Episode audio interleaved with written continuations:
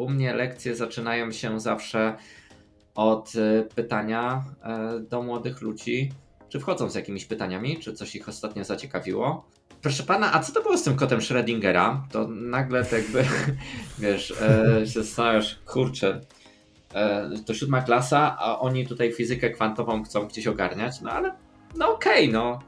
Na pewno tak jakby tematy, którymi się zajmuję, nie są e, typowymi tematami podręcznikowymi. No i zawsze, jeżeli jesteśmy na żywo, to coś budujemy, coś konstruujemy. To jest e, mocna praca w tej edukacji zdalnej, głównie nad samym sobą.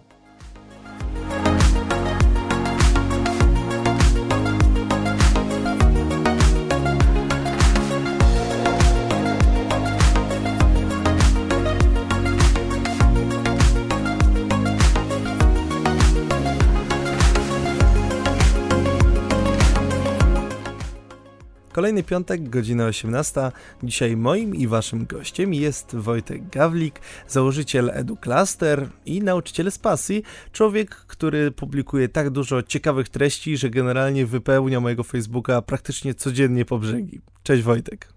Cześć, cieszę się, że mogę sprawić trochę Tobie przyjemności w poznawaniu świata nauki. E, chciałem Cię, Wojtku, na początku zapytać, e, zadać pytanie, które zadajemy w zasadzie naszym gościom na samym starcie e, podcastu, mm, czyli coś, co niezwykle mnie ciekawi. Jakim uczniem byłeś w swoich szkolnych czasach? Mm, to zależy. Mm, w szkole podstawowej byłem tak jakby najlepszym uczniem w szkole. Chociaż to trochę było rysu, bo moja mama była dyrektorką, więc Wiesz, tak jakby na dwoje tutaj babka wróżyła, jeżeli chodzi o, ten, o te moje e, dokonania. Później w liceum e, trochę mi się okres buntu wprowadził, e, więc, e, więc walczyłem z nauczycielami, ale też byłem zawsze takim dobrym uczniem, a później na studiach znowu wybrałem e, Politechnikę i, i znowu tak jakby byłem w czołówce, e, czyli byłem znowu tym takim jakby najlepszym. Dużo chodziłem na wykłady, tak nie odpuszczałem tych rzeczy, lubiłem słuchać, lubiłem się czegoś, czegoś ciekawego dowiadywać, więc lubiłem się uczyć, o tak. To najważniejsze. Mówisz o Politechnice, ty jesteś nauczycielem fizyki, zgadza się? Fizyki, chemii, tak.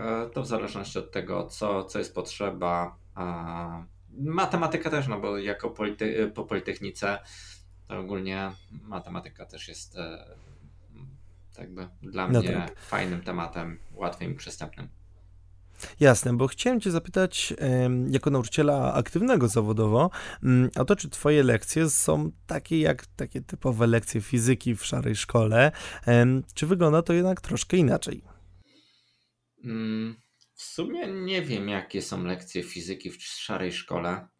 Mogę się to jakby tylko opierać e, na moich doświadczeniach, e, ale mogę się, e, tak jakby bardzo wielu nauczycieli, z którymi miałem kontakt, miało na mnie wpływ i to mówię zarówno w szkole, jak i na uczelni. Więc na pewno tak jakby tematy, którymi się zajmuję, nie są e, typowymi tematami podręcznikowymi, więc ja nie uczę podręcznikami. E, u mnie nie ma na zajęciach czegoś takiego jak lekcja temat. To, to może też tak. E, u mnie lekcje zaczynają się zawsze od pytania do młodych ludzi, czy wchodzą z jakimiś pytaniami, czy coś ich ostatnio zaciekawiło czy coś ich ostatnio zachwyciło, czy coś e, dostrzegli, e, zaobserwowali, o czym chcieliby porozmawiać. I tak by od tego pytania zazwyczaj e, lecimy w całą masę ciekawych opowieści i dygresji od nich wychodzących. Ale nie jest tak, że męczą cię troszkę te miliony pytań, które pojawiają się w tych malutkich głowach? Znaczy, to są głowy małe i duże. I wiesz co, to jakby to nie jest tak, że to męczy, bo e, jeżeli sobie popatrzysz na swoje, swoje, e, swoją pracę jako nauczyciela, no to z jednej strony możesz, wiesz, rozkładać towar na półce, nie? I odklepywać kolejny dzień, no dobra, przerobiłem, ciach, ciach, ciach, ciach, ciach i sprawa zakończona. A z drugiej strony to jest tak, że taka lekcja może być dla ciebie jakimś wyzwaniem. I faktycznie, no, czasami jest tak, że jak ktoś ci zada pytanie, proszę pana, a co to było z tym kotem Schrödingera? To nagle tak jakby, wiesz, e, się zastanawiasz, kurczę, e, to siódma klasa, a oni tutaj fizykę kwantową chcą gdzieś ogarniać, no ale no okej, okay, no. E, próbujemy rozkminiać. E, czasami uczciwie mówię, nie wiem, nie orientuję się, muszę sprawdzić, spróbuję albo na przykład wiem, ale wolę się przygotować na następne zajęcia, żeby Wam lepiej o tym opowiedzieć. E, czasami to jest też tak, że wspólnie z młodymi ludźmi wypracowujemy różnego rodzaju e, rozwiązania e, na zasadzie takiej dedukcji. To jest po prostu ciekawa sprawa, bo zajmujesz się czymś, mm, czego, czego nie podejrzewałeś. I więc jeżeli jakby cały czas masz powtarzalne rzeczy, no to powtarzalność jest nudna. A jeżeli cała, każda, każde twoje zajęcia są czymś nowym, nieprzewidywalnym i sobie tak myślisz, kurczę, ciekawe, co oni dzisiaj wymyślą, no to jakby to też jest fajne. No tak, a robisz w ogóle doświadczenia w trakcie twojej lekcji, bo trafiłem robiąc research e, na artykuł o rzucaniu frisbee w trakcie lekcji i zaciekawiło mnie to, czy robisz faktycznie dużo eksperymentów, nawet nie w kontekście tego, że są jakieś wybuchy i nie wiadomo co się dzieje, ale w kontekście faktycznie takiego praktycznego i namacalnego podejścia do fizyki. E, to znaczy, no jak trafiłeś na frisbee, no to trafiłeś na opis jednej, e, jednych zajęć, tak? Którym rzucaliśmy nie tylko frisbee, bo miałem różne kule, miałem jakiś coś chyba typu do rzucania dyskiem, jak, jakiś taki dziwny, mm, dziwny twór. E, rzucaliśmy koszykami takimi, jak jest do zakrywania e, butelek do wina. No, różne rzeczy braliśmy i, i różnymi rzeczami rzucaliśmy. E, na początku akurat w tym, w tych zajęciach, no to była hipoteza badawcza, co się stanie, jak to poleci, jak to trzeba rzucić. Później rzucaliśmy, E, analizowaliśmy e, to, co się działo w czasie tych rzutów, wyciągaliśmy wnioski.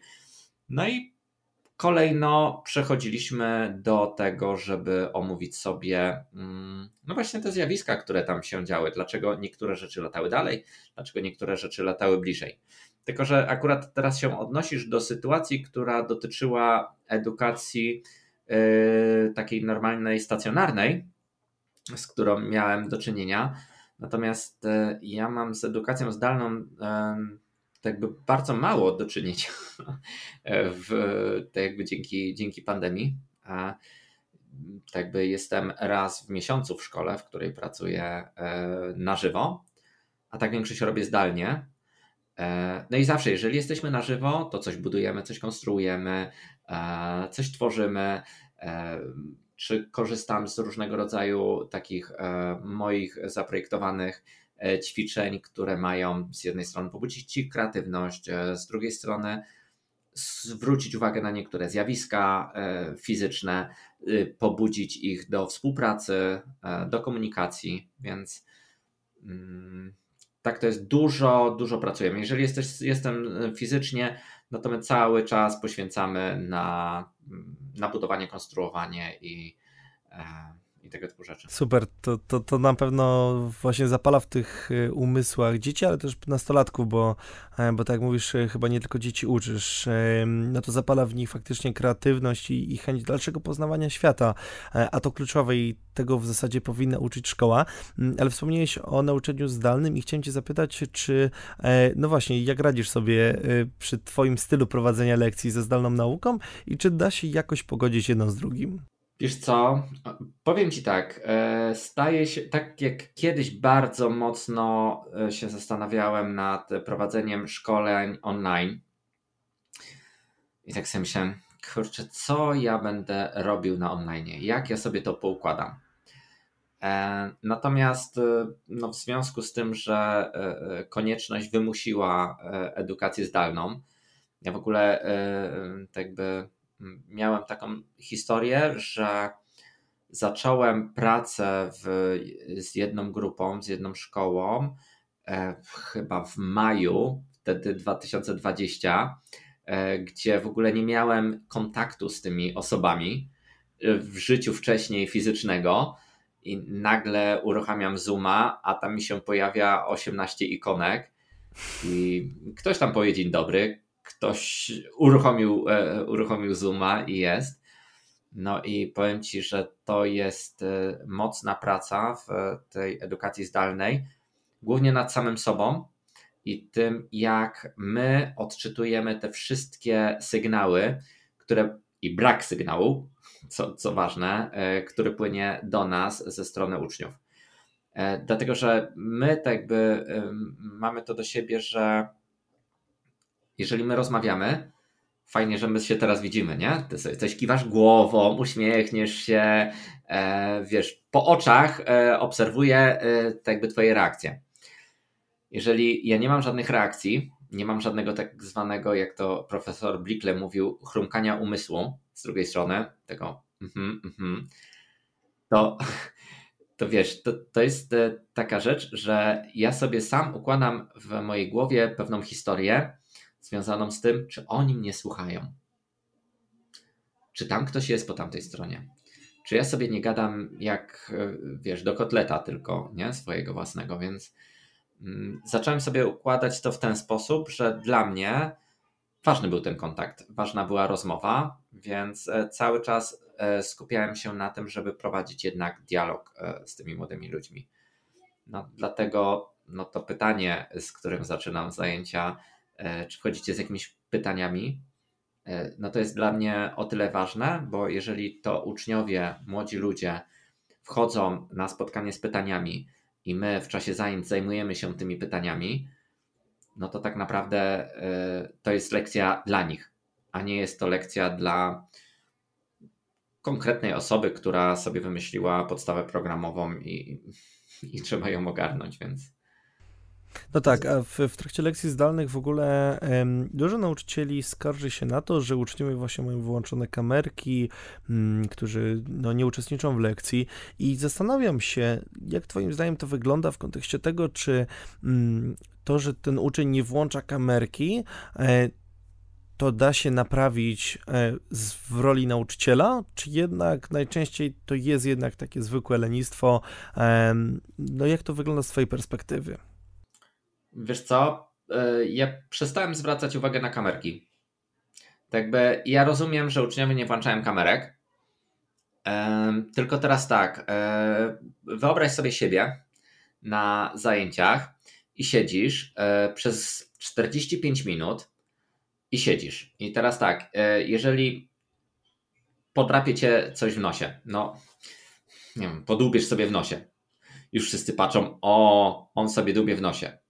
Nie? Tak jakby, jeżeli jesteś na lekcji e, i siedzisz te 45 minut, e, to tak jakby przeżywasz różne fazy na tej lekcji. I to nie, tak jakby na lekcji jesteś skierowany w stronę nauczyciela, nie obserwujecie cała klasa. To jest, wiesz, to jakby zupełnie inna sytuacja. Jeżeli jesteś na kamerce na lekcji, to jesteś cały czas na świeczniku.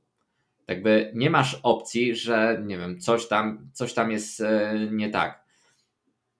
Dalej jest taka sytuacja, że no, oczywiście są kamerki, można zrobić print screena e, i zrobić później tobie śmieszne zdjęcie i przesyłać sobie w wewnętrznym komunikatorze klasy. No, tak by jest to mega łatwe do tego, żeby to zrobić.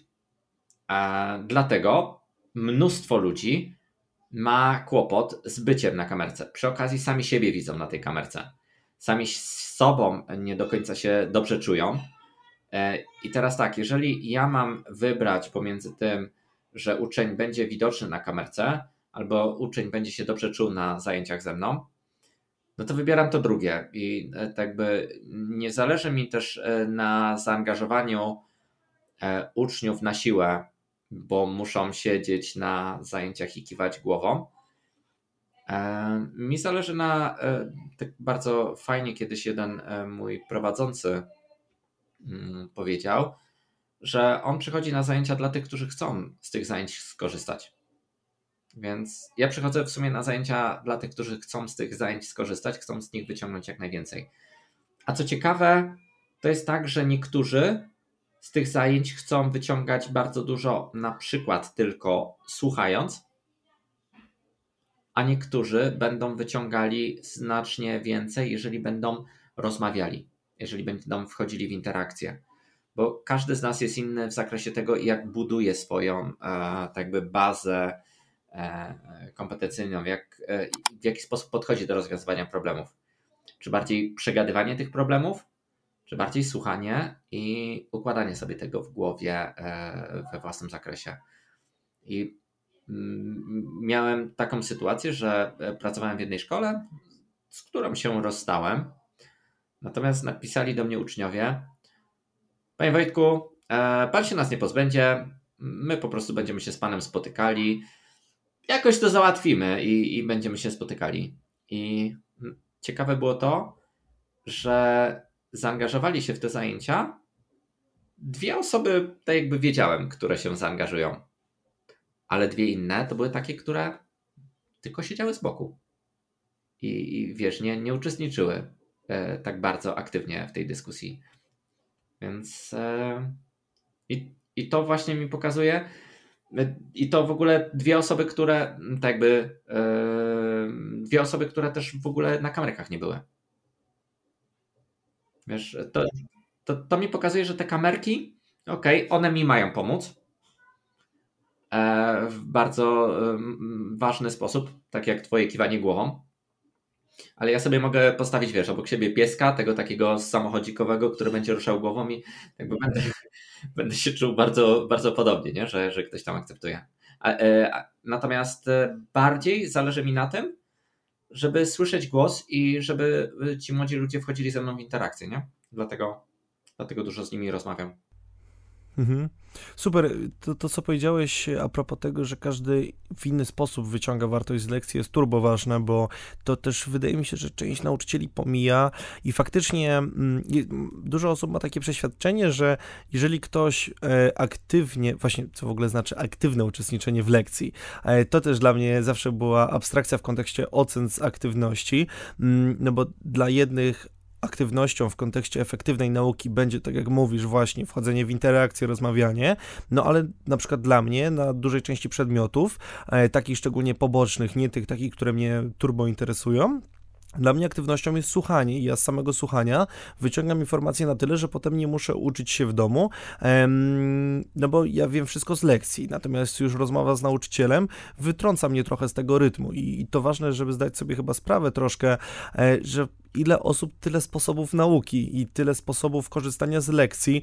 I to nie jest tak, że jeżeli no, mi dobrze jest rozmawiać z jakimś nauczycielem, no to każdy w ten sam sposób będzie korzystał z tej lekcji. To, to super ważna lekcja.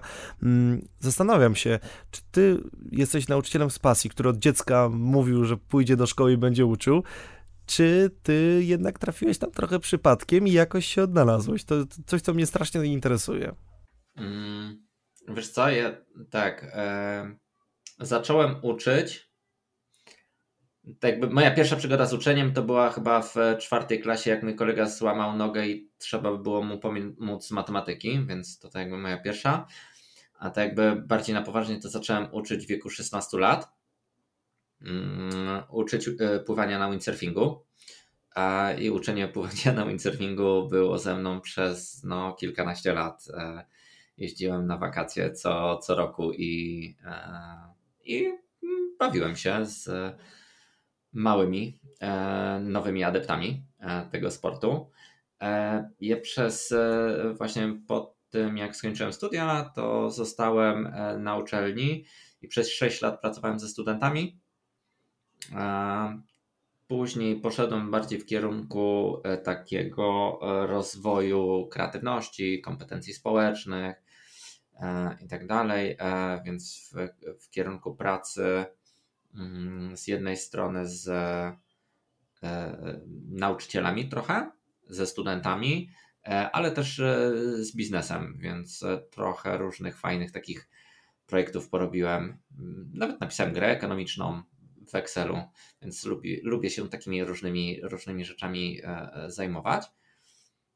Natomiast to, jak poszedłem tak de facto do szkoły, to się zaczęło od tego, jak moje dzieci poszły, do, moje dziecko starsze poszło do przedszkola.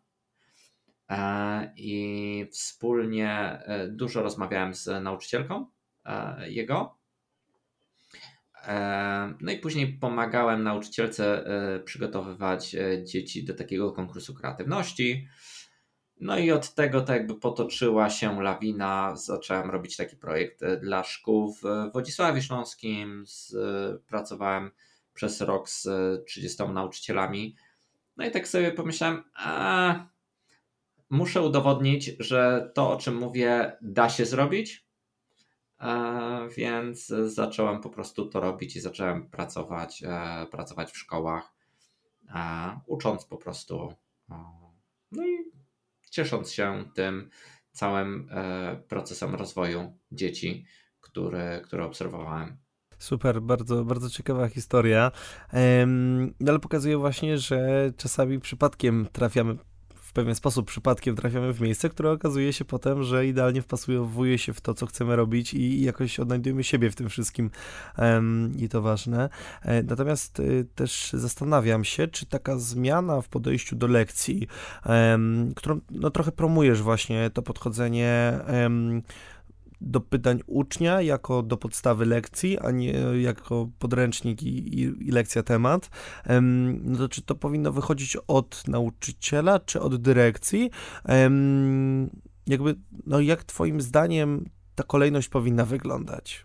Wiesz co, to znaczy tak, ja mogę powiedzieć, że to wszystko jak prowadzę zajęcia zależy ode mnie, nie? czyli ja jestem nauczycielem, ja jestem panem swojego czasu, i tak jak wchodzę na lekcję, to nie mam żadnego dyrektora ani nikogo, jestem wolny, więc mogę wszystko zrobić. Ale trochę bym cię okłamał, dlatego że mm, no, ja jestem człowiekiem, który tuła się po różnych szkołach, bo e, to nie jest takie e, to nie jest takie oczywiste, że sobie jako nauczyciel mogę to zrobić. No bo wiesz, jeżeli pracujesz e, z uczniami, no to ci uczniowie, będąc na przykład przygotowanymi e, do innego sposobu uczenia się, nagle tak by wiesz, nie do końca ogarniają, ej, ale to co ja mam zrobić? To ja mogę sobie decydować, to yy, więc niektórzy uczniowie na przykład sobie odpuszczają i tak by to jest ok, bo po jakimś czasie wracają z jeszcze większą motywacją.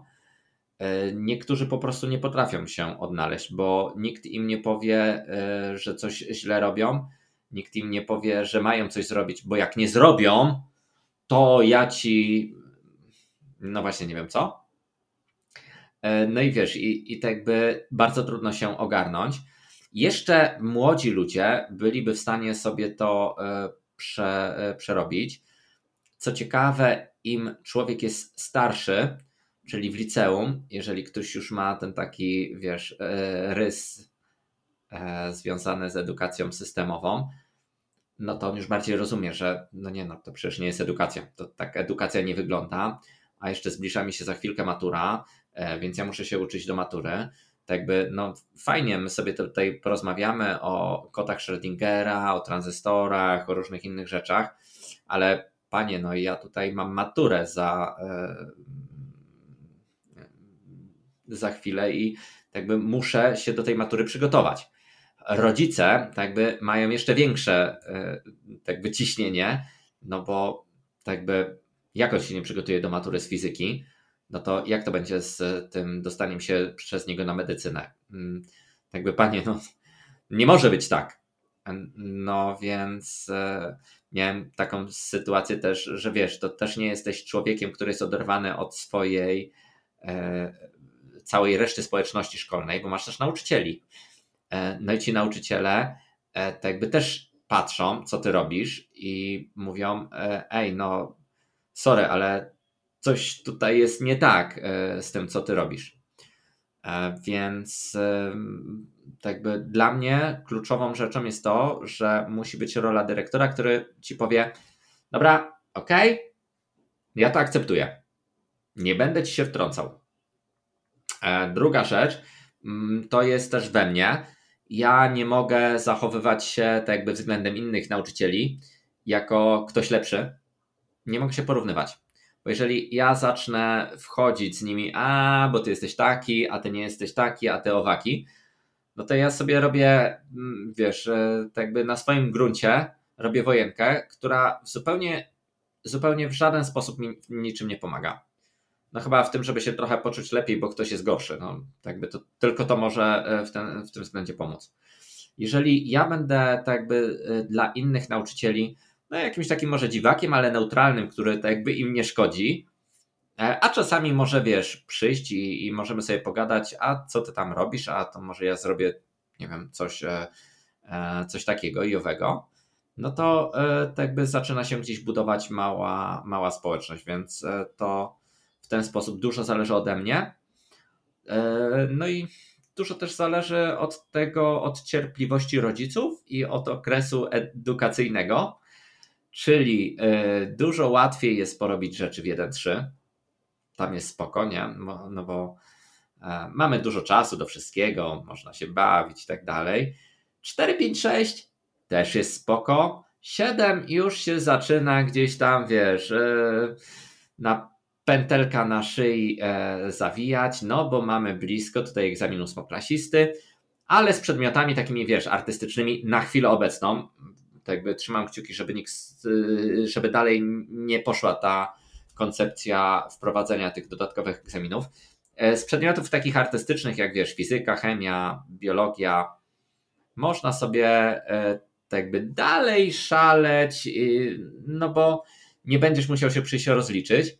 No ale wiesz, wpadasz do liceum i w liceum tak jakby nagle się okazuje, że część musi zdawać e, maturę rozszerzoną. I tak naprawdę sytuacja się robi taka nieciekawa, że ty musisz zignorować wszystkich tych, którzy nie robią matury rozszerzonej, skupić się na tych, którzy robią maturę rozszerzoną, albo no, no właśnie, tak by tutaj w liceum nagle się zaczyna robić taki bajzel, dlatego że ktoś gdzieś e, łapie ciśnienie, że musi się gdzieś z czegoś rozliczyć, a musi się rozliczyć z tego takiego po prostu najnudniejszego, zupełnie nieżyciowego e, podejścia do tych naprawdę fascynujących przedmiotów. A szczególnie jest to okres, w którym ci ludzie mają na tyle rozwinięte już e, swoje mózgi, e, że są w stanie tą wiedzę po prostu dobrze przyjąć.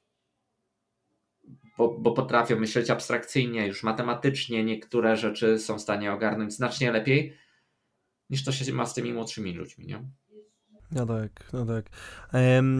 Ty prowadzisz też w ogóle klub odkrywców świata i jak powiedziałeś o tych czterech uczniach, czy to jest jakoś połączone? Czy ten klub powstał po tym, jak odezwali się ci czterej uczniowie, czy to jest jakby zupełnie niezależne? I chciałbym też zapytać w ogóle, co robicie w tym klubie, bo sama nazwa już jest ciekawa.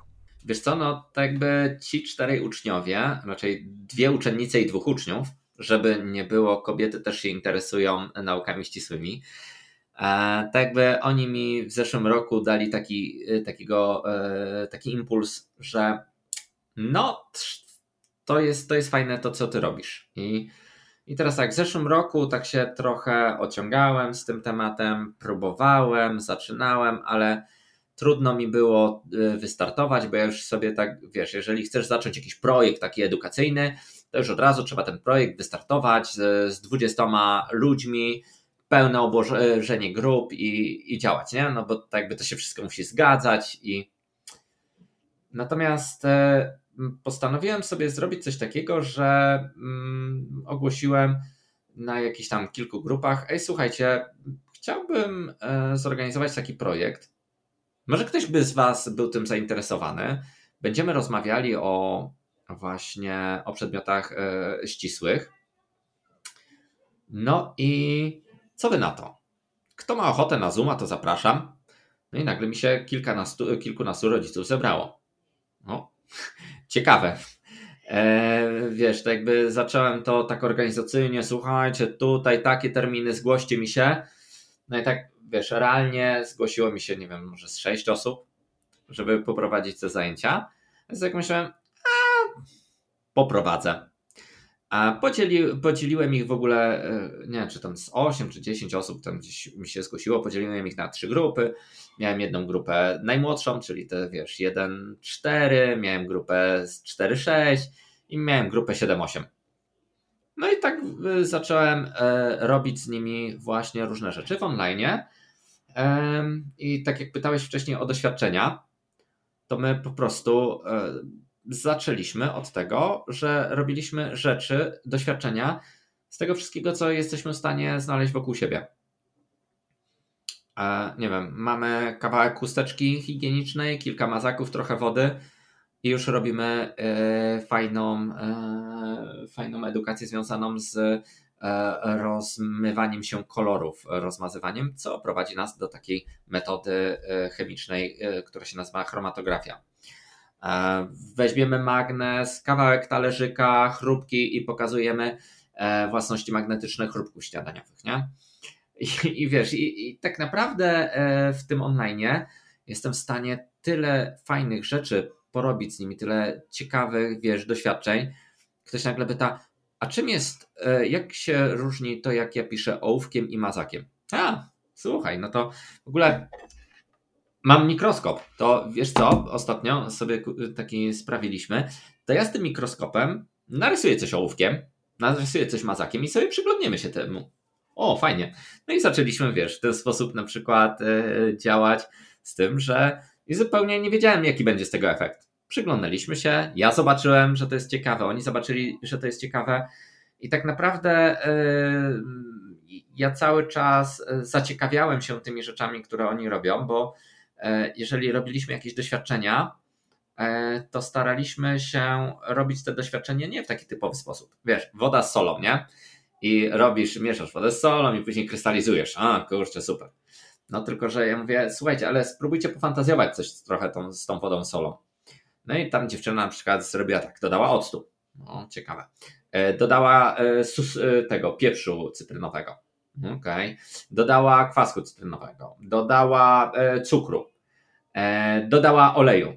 No i miała pięć słoików i obserwowała, co w tym słoiku się dzieje. Czyli to nie jest już tak, że robiła jakieś, jakieś doświadczenie, tylko tak naprawdę ona prowadziła proces badawczy bo sprawdzała, jak różne e, elementy dodane do, tego, do tej wody z solą, jakie będą przynosiły efekty. No i wiesz, to, to było tak, że sobie braliśmy, no to słuchaj Matylda, to poopowiadaj, co tam jest. No i Matylda brała, no i pokazywała, nie? I, i patrzyliśmy na tą, e, na tą wodę z solą. A na to Patryk, proszę pana, ale mi wpadła mucha do tej mojej, e, do tego mojego słoika i w ogóle na tej muszce nie ma w ogóle kryształków so, soli i teraz rozgryźć tutaj tą, e, e, tą zagwozdkę, nie? E, I dla mnie to jest znowu poszukiwanie w internecie, na, na różnych grupach, gdzie to jakby, jak znaleźć tą odpowiedź. No i znajdowałem i wiesz, tak jakby wydaje mi się, że to, co się dzieje na tych spotkaniach tego klubu odkrywców świata, to jest to, że tak jakby my wszyscy tam odkrywamy ten świat. I ja, i oni, i, i się razem tak jakby tym trochę nakręcamy. No więc tak, tak to wygląda te spotkania. No i spotykamy się regularnie, nie? Tak by z e, tymi osobami, czyli raz w tygodniu, z niektórymi dwa razy w tygodniu. Spotykamy się. No i czasami ja mam jakiś pomysł na zajęcia, a czasami nie potrafię tego pomysłu zrealizować, bo oni zalewają mnie masą tysięcy pytań. Super, bardzo ciekawa koncepcja. Pewnie jeszcze nawet rodzice na tym korzystają, bo przy obiedzie słuchają o super różnych eksperymentach i o ich wynikach, także generalnie no, no. każdy się dowiaduje. Julian, to, to nie jest do końca tak, że rodzice się później przy obiedzie słuchają, bo to jest tak, że te dzieci siedzą na komputerze na przykład w salonie i widzę co jakiś czas tam mama wygląda i słucha i wiesz, to, to tak jakby ja prowadzę lekcje dla całych rodzin, to, to nie ma to tamto. Dla mnie dobrym przykładem y, były w ogóle pytania z kosmosu, które prowadził dr Roże kiedyś w Trójce i to były pytania zadawane przez dzieci i przez seniorów i potem odpowiedzi słuchały i dzieci i seniorzy i to wszystkich interesowało. Dokładnie, I, a w ogóle najlepsze jest to, że jeżeli pojawi się tam twoje pytanie, nie? Takie pytanie, które jest nieoczywiste, no to jakby... Y, dostosowane do Twojego wieku, bo jeżeli zapyta się jakaś, y, nie wiem, osoba w wieku 1-3, no to będzie to interesujące też dla innych dzieci 1-3. No, tak jakby pytania z kosmosu e, były takim też jedną z inspiracji, z których czerpałem od doktora Rożka też mnóstwo. E, staram się oglądać rzeczy, podsłuchiwać, jak jeżdżę do szkoły samochodem, więc tak, to bardzo ciekawy człowiek, więc to nic dziwnego. A słuchaj, Wojtek, jakbyś został dzisiaj, załóżmy, ministrem edukacji i by się stało tak, że Sejm by chciał przegłosować wszystko, co wymyślisz i nawet prezydent by to jeszcze potem podpisał. Idealnie by wszystko było. Mm, to chciałbym Cię zapytać, jaką jedną rzecz, jaką jedną uchwałę, ustawę przygotowałbyś, jaka byłaby ta jedna zmiana, którą byś wprowadził? Znaczy, ty, m, może dwie powiem, dobra? E, jedna jest taka dużo grubsza, e, bo polegałaby na tym, żeby jednak e, kwestię egzaminów rozwiązać, a może inaczej rekrutacji do kolejnych etapów edukacyjnych. To znaczy dać dowolność szkołom w zakresie tego, jak będą rekrutowały do szkoły. Dlatego, że rekrutacja na bazie właśnie egzaminów maturalnych czy egzaminów ósmoklasisty jakby sprawia, że szkoła się absolutnie podporządkowuje temu procesowi, więc to jest taka grubsza zmiana, którą jeżeli wiesz, zebrałaby się grupa, to, to ją bym prze, y, chciał przepchnąć. Natomiast druga zmiana to jest też taka, e, czyli tutaj chodzi o swobodę w procesie rekrutacji, a proces rekrutacji wpływa bardzo mocno na, e, na to, co się dzieje w tych niższych etapach edukacyjnych. A w druga, e, sytuacja, e, druga sprawa, niezależnie od tego, e, w zeszłym roku, raczej dwa lata temu w sumie już można by powiedzieć, w sierpniu 2020, w związku z mm, no, pandemią, w której byliśmy, postulowaliśmy taką koncepcję baniek szkolnych. Mm, a na czym to polegało? Żeby to jakby zrezygnować e, z czegoś takiego jak ramowe plany nauczania. To znaczy, żeby szkoła nie musiała się rozliczać e, z wszystkich godzin, które zrealizowała z daną klasą, czy w danym etapie edukacyjnym było 38 e, godzin WOS-u, 76 godzin tego, 76 godzin tego, 76 godzin tego i tak dalej tylko żeby e, edukację przeprowadzić w zakresie banik szkolnych, to znaczy mamy grupę, która jest prowadzona przez, e, dajmy na to, dwóch nauczycieli, e, którzy pełnią rolę tutorów, którzy pełnią rolę słuchających te dzieci w tym procesie. Ogólnie to jest koncepcja idealna, natomiast sama, same bańki szkolne miałyby dać możliwość e, tego, żeby w każdej szkole mieć znacznie więcej swobody w podchodzeniu do tego, e, jak będziemy uczyli. I jeżeli my nie mamy na przykład nauczyciela, nie wiem, fizyki, no bo akurat nie mamy takiego, a na przykład, e, nie wiem, mamy, mamy problem z tym, żeby mm, grupa E, dzieciaków leciała, nie wiem, z dwunastoma nauczycielami, bo tak to czasem, czasem bywa, nie? że ten nauczyciel po prostu skacze z klasy do klasy. E, w ogóle mamy problem z nauczycielami, że oni przelatują z klasy do klasy, ze szkoły do szkoły. Oni nie są w żaden sposób utrzymywani. I tak, ja, ja mam jednego fajnego nauczyciela, ale ja jemu mogę zaproponować w mojej szkole na przykład 5 godzin. I jak on sobie tak jest w tej szkole z tymi pięcioma godzinami, no to on będzie lepiej traktował inną szkołę, w której ma na przykład 12 godzin. E, I teraz tak, jeżeli ja bym takiego nauczyciela, który widzę, że jakby bardzo dobrze ogarnia, nie wiem, chemię, bardzo dobrze ogarnia fizykę, no to ja go wezmę tak, żeby on prowadził cały blok, cały temat e, przedmiotów ścisłych i pracował e, z tą klasą jako mentor od tego takiego science. Nie? I tak jakby nie będę go rozliczał, o dobra, ty zrobisz 3 godziny matematyki, teraz 2 godziny fizyki. Jakby to po co ja mam e, tego, tego człowieka tak bardzo bezpośrednio rozliczać? Chciałbym, żeby on spędzał z tymi uczniami czas i żeby był e, tak jakby rozliczony w związku z tym czasem, który spędził, a nie poszatkowany na te, na te wszystkie przedmioty. Dzięki temu jesteśmy w stanie zbudować e, relacje większe, no bo ci nauczyciele są w stanie y, być w klasie przez 5-6 godzin, może z 8 jednej klasie, nie? I jeżeli jesteś w tej klasie przez y, te kilka godzin, no to faktycznie poznasz tych uczniów. Jeżeli przychodzisz y, do każdej klasy na godzinkę, no to masz 700 uczniów, z którymi pracujesz i teraz zapamiętaj 700 imion. Hmm. No, nie, nie ogarniesz, więc to, to by były te dwie rzeczy, tak? Czyli rezygnacja z ramówek i rezygnacja z egzaminów. I wtedy szkoła mogłaby naprawdę się uwolnić i dać więcej różnorodności, o której nie wiem, czy ostatnio czytałeś e, e, list do opozycji napisany przez Jarosława Pytlaka. No właśnie, bo chodzi o tą różnorodność, żeby każdy mógł w takich e, bardzo wąskich, tych raczej może nie, bardzo szerokich ramach, tak? Czyli żeby każdy miał dużo swobody, żeby mógł gdzieś sobie znaleźć swoje miejsce. No i rodzice, którzy będą wybierali, będą wybierali. No, ja chcę trochę więcej wolności, ja chcę trochę mniej wolności, ja chcę taką szkołę, ja chcę taką. Ale my nie możemy robić czegoś takiego, że systemowo wszystko zrównamy i, i ludziom zamurujemy wszelkie możliwości do mm, skutecznego wspierania tych dzieci, nie? Jasne. Y, ciekawe jest to, że y, zaskoczyłeś mnie. E, zaskoczyłeś mnie tym, że powiedziałeś o dwóch rzeczach, które nie są nierealne wbrew pozorom. W sensie one są trudne do zrealizowania, ale one nie są nierealne i um, jeżeli kiedykolwiek na jakiś nasz podcast trafi ktokolwiek, e, kto, kto ma, jest decyzyjny w kontekście edukacji, no to zalecamy mu przyjrzeć się tym dwóm koncepcjom, bo są one bardzo ciekawe e, i faktycznie mm, są, są realne do osiągnięcia jakimś stosunkowo normalnym nakładem pracy.